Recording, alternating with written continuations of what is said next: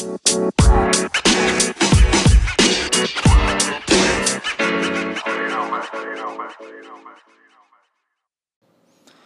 everyone, welcome back to my podcast, Andar Sofyan Podcast.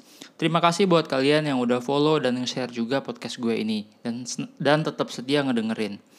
Um, kali ini gue bakal bahas beberapa topik besar kayak uh, rapat umum pemegang saham, terus cerita soal uh, Juventus kemarin, uh, terus juga soal um, preview pertandingan malam ini Dinamo Kiev lawan Juventus dan beberapa berita-berita uh, dari uh, sekitar Juventus World gitu. Um, gue mulai dari rapat umum pemegang saham dulu. Jadi minggu lalu uh, Juventus tuh ngadain rapat umum pemegang saham. Nah Juventus sebagai perusahaan public listed company yang terdaftar di Borsa Italiana setiap tahun tuh wajib ngelakuin satu kali uh, rapat umum pemegang saham. Nah, pemegang saham Juventus itu siapa aja sih?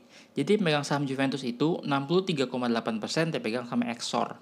Exor ini um, perusahaan keluarganya Agnelli.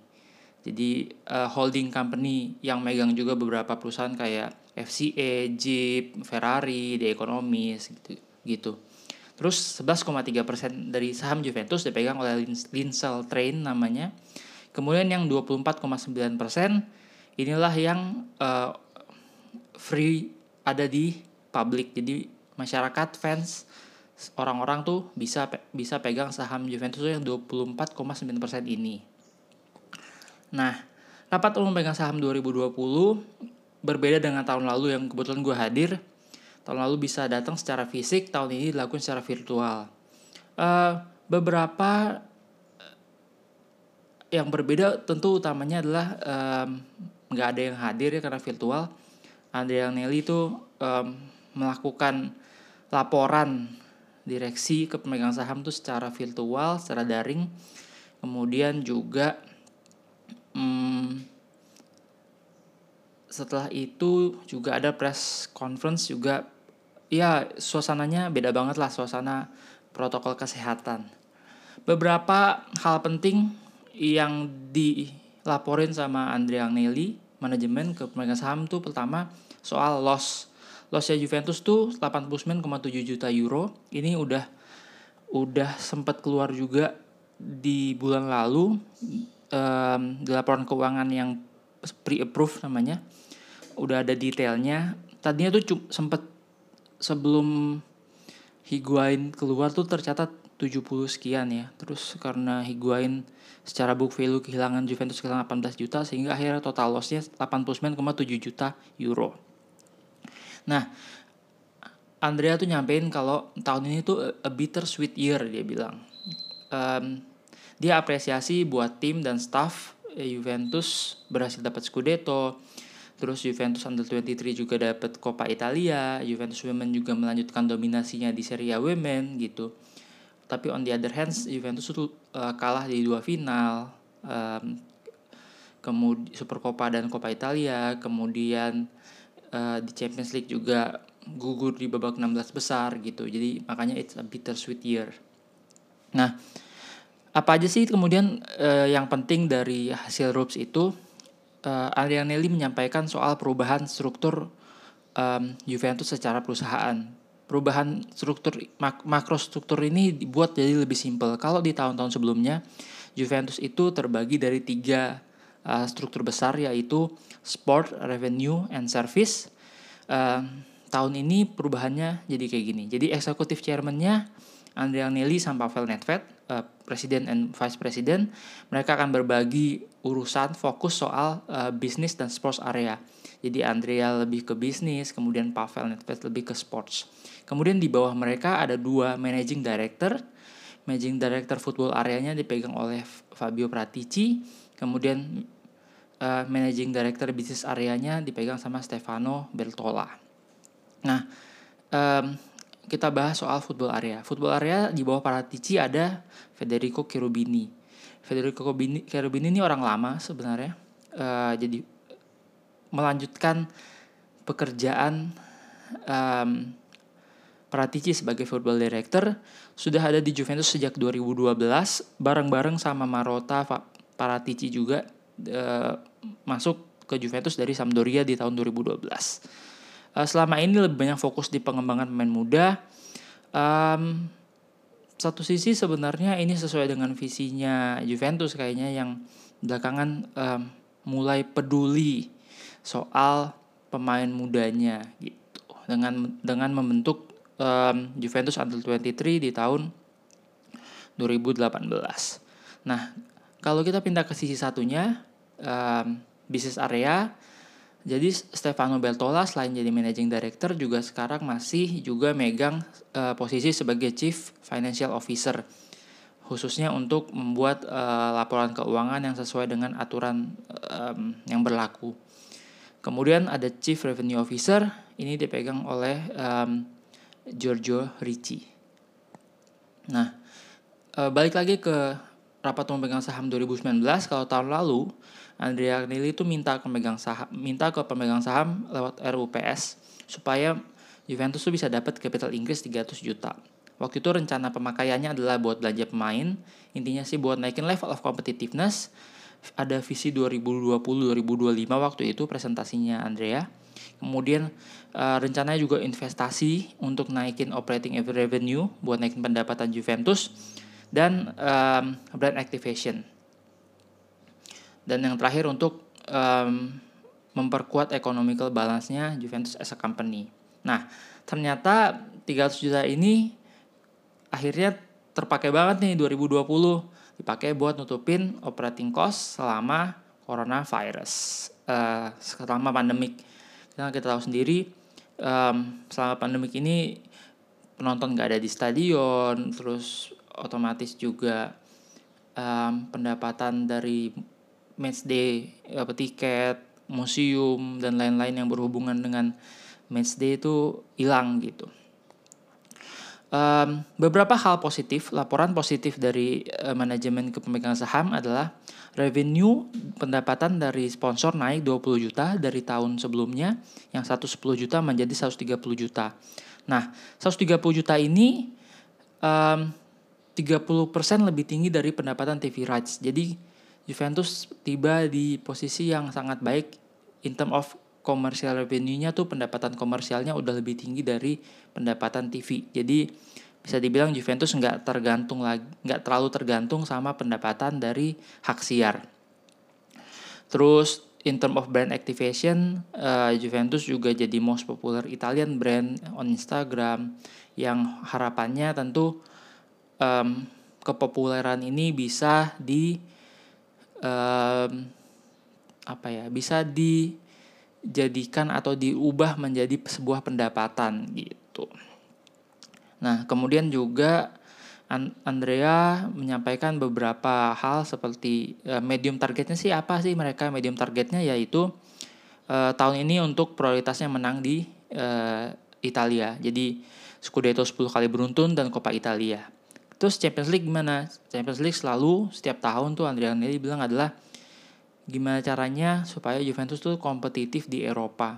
Berusaha memenangkan, tapi that's not a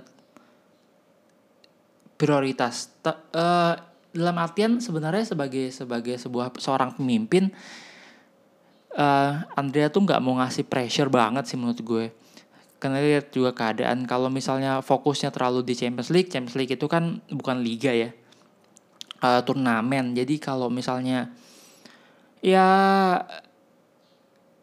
nggak juga tidak prioritas tapi lebih kayak gimana caranya supaya pressure buat timnya tuh nggak terlalu uh, berat lah kira-kira gitu.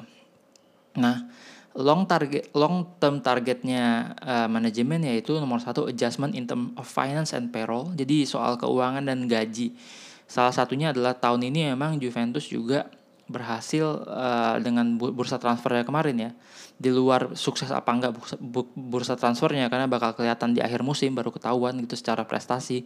Tapi in term of payroll um, transfer kemarin berhasil membuat Juventus hemat sekitar 30 juta euro uh, dalam hal penggajian. Kemudian juga um, long long term targetnya adalah uh, balance di sisi ekonomi dan finance terus juga gimana caranya Juventus terus kompetitif tanpa tanpa harus uh, losses karena karena kekurangan pendapatan gitu. Jadi mencari revenue stream baru target long target jangka panjangnya gitu. Dan terus untuk tetap menang di Italia dan kompetitif di Eropa. Uh, ada satu hal lagi soal um, individu dan gajinya tuh harus matching jadi kayaknya pelajaran dari lima tahun atau tiga tahun terakhir tuh ada pemain-pemain yang gajinya tuh terlalu tinggi dibanding dengan um, apa yang diberikan ke uh, tim gitu. Jadi Juventus lebih berpikir ke depannya gimana caranya mungkin cari pemain yang lebih muda, yang kualitasnya bagus sehingga worth buat dikasih gaji yang tinggi gitu.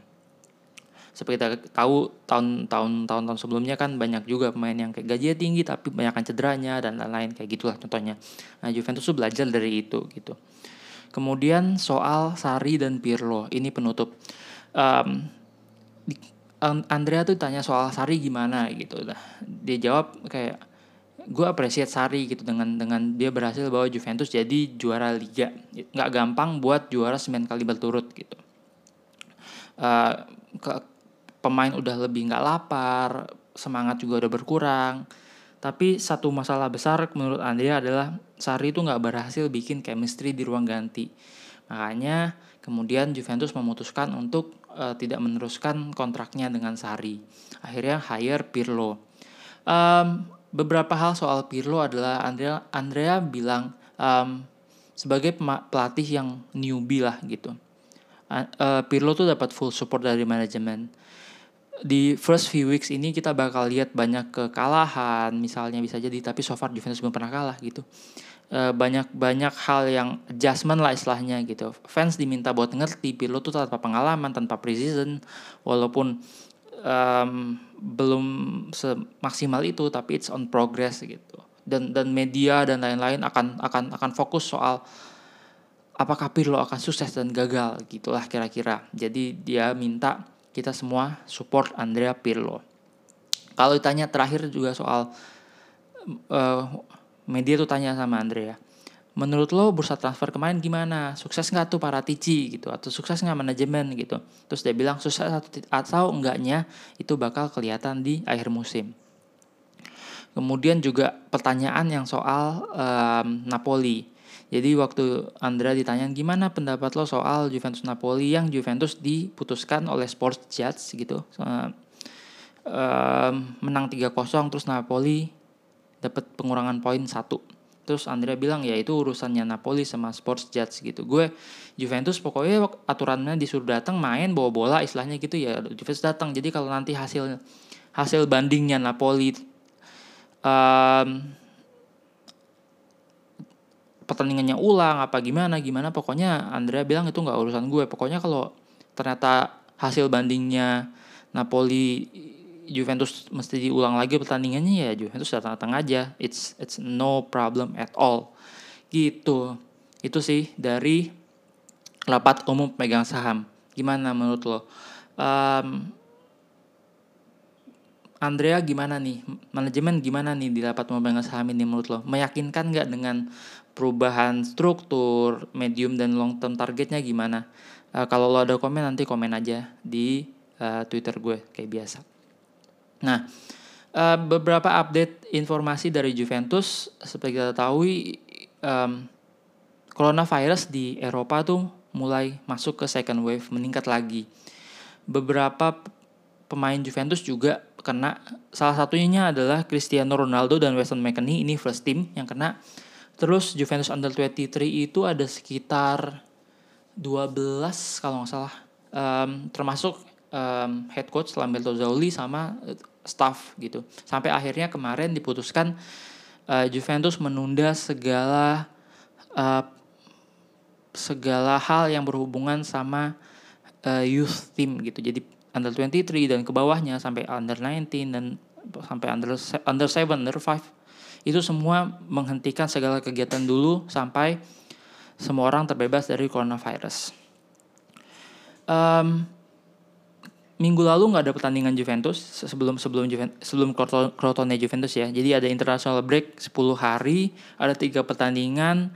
menurut gue di tengah jadwal yang padat gini ini ngaco sih. Jadi pemain tuh bakal jadi kelelahan banget kalau pemain yang masih terbang ke South America gitu. Jadi jet lag banget, mereka kurang recovery time dan akhirnya apa? Kejadian kemarin di eh, Crotone Juventus. Crotone Juventus kemarin Juventus main jelek banget. Jeleknya tuh sejelek kayak Juventus biasa main preseason gitu. Ya, it's a preseason in a real season gitulah kira-kira. Secara ide sih Pirlo udah udah gokil sih dia kayak karena ini lawannya Crotone yang nggak pernah yang belum yang baru masuk ke seri A musim ini kemudian um, belum ada poin sama sekali gitu Pirlo tuh mengupayakan ketika nyerang tuh pakai 361 gitu tapi transisi di lapangannya tuh gagal menurut gue Juventus nggak mendominasi sama sekali Juventus tuh cuma berhasil men, ada ada tiga shot on target Terus posisinya juga cuma 47% gitu. No offense sama Crotone, tapi dalam tiga pertandingan terakhir Crotone itu belum pernah menang seri. Menang ataupun seri gitu. Terus akhirnya kali ini mereka dapat satu poin main sama Juventus seri. Um, selain dari Juventus Sampdoria di match day 1, Pirlo tuh masih struggle menurut gue buat buat gimana timnya menjalankan ide dan visi permainan yang dia mau gitu. Khususnya transisi uh, untuk bertahan ketika diserang balik jadi antara 361 352-nya ke 442-nya tuh masih masih gagal gitu menurut gue. Hal beberapa hal positif adalah um, Morata akhirnya balik lagi ngegolin uh, debut gol di musim ini buat Morata semoga akan makin banyak lagi golnya di musim ini. Kemudian juga debut buat uh, Federico Chiesa uh, satu assist yang bagus banget menurut gue dimulai dari pergerakan yang yang yang sangat bagus dari Kulusevski. So far Kulusevski yang, yang yang menurut gue paling bisa menerjemahkan apa yang Pirlo mau dengan baik gitu.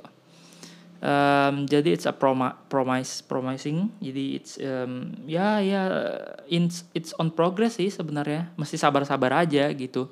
Apalagi kan dua kali main nih Juventus Juventus Roma sama Crotone Juventus nih Juventus nggak main 11 orang sampai sampai akhir pertandingan entah kenapa di dua pertandingan ini tuh ada main yang kena kartu merah kalau sebelumnya uh, Rabiot kemarin Kiesa di debutnya selain nge ngumpan satu assist juga satu kali kartu merah perdana. Nah, uh, dalam 20 hari ke depan Juventus tuh bakal ngadepin ada enam pertandingan. Well, dengan Covid, terus uh, ada juga terus-terusan masih ada dengan adanya positif, pemain positif, terus pemain Juventus tuh harus stay di J Hotel fiduciary isolation it's um, tough sih buat buat mental pemain gimana caranya pemain tuh nggak bosen gitu ya di, di di isolasi di J Hotel gitu nggak ketemu keluarganya ya ini PR tambahan sih buat buat Pirlo selain dia harus bisa mengerti mental pemainnya mesti mentransfer um, tactical yang dia idenya dia untuk diterjemahkan dengan baik di lapangan saat main gitu.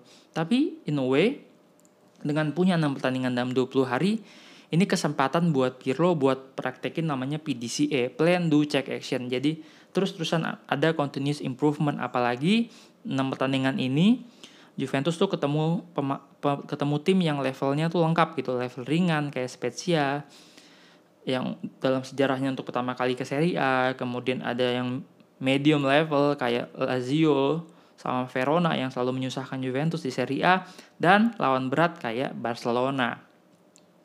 Terus ada juga di unknown ada Ferenc Varos. Uh, ya semakin cepat Juventus, semakin cepat Pirlo learn from mistakes, semakin padat jadwal, sebenarnya makin banyak kesempatan buat um, cek masalahnya apa dan action untuk perbaikan masalah itu. Jadi semakin banyak kesempatan untuk belajar dan untuk bangkit dan mencapai semua target yang ditargetkan karena Juventus kayak Pirlo bilang di press conference-nya kemarin sebelum laga um, persiapan menuju Champions League adalah Juventus selalu bermain untuk mencari kemenangan. Nah, ngomong-ngomong Champions League, malam ini 20 Oktober 2020 Juventus akan Juventus akan bermain di Ukraine di Kiev um, melawan Dinamo Kiev jam 23.55 waktu Jakarta.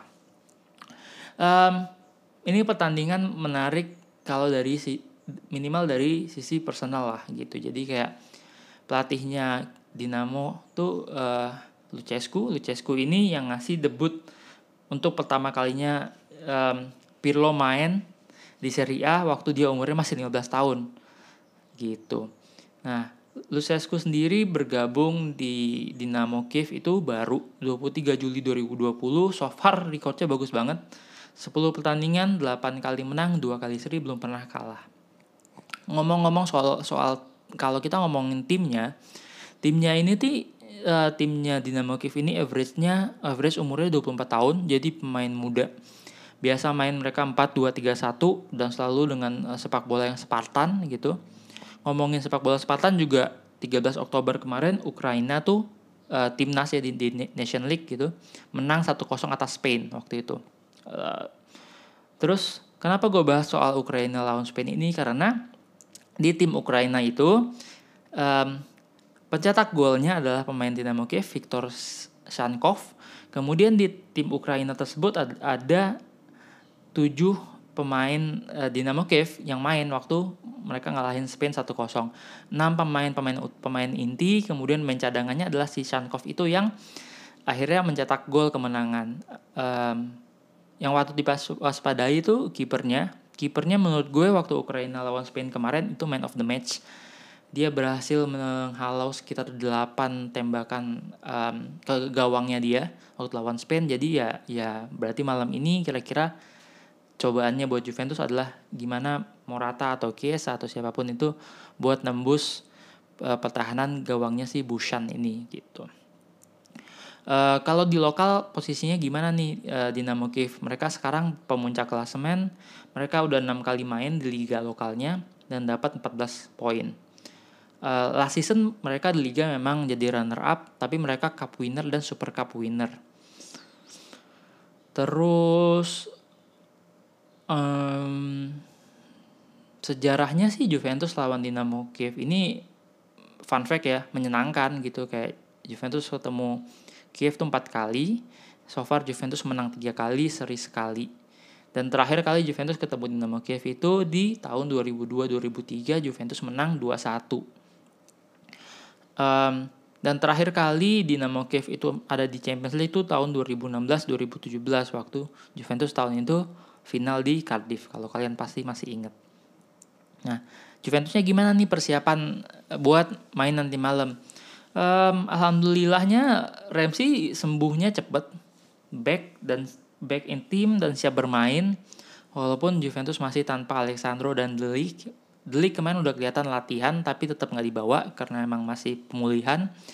Uh, terus Weston McKennie sama Cristiano juga masih positif COVID jadi nggak dibawa.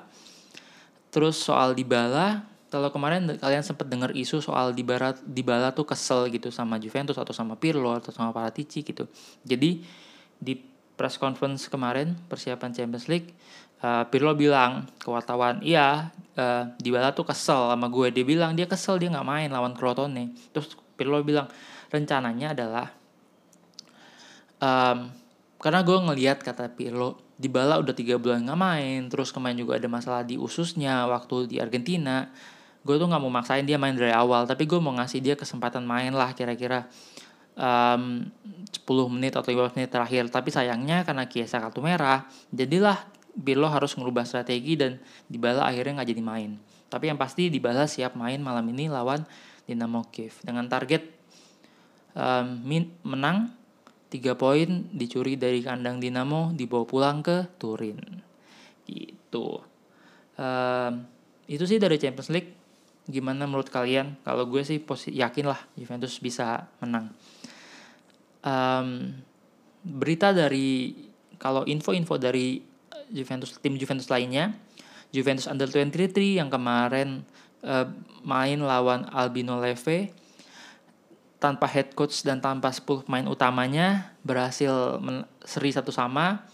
Uh, Juventus Under 23 sekarang ada di posisi 10 Posisi 10 ini masih aman buat bisa ikut playoff uh, ke seri B musim depan dengan poin 7 dari tiga kali main. Jadi dua kali menang, satu kali seri. Nah, kalau Juventus Women gimana? Juventus Women nih yang lagi lagi kuat-kuatnya gitu.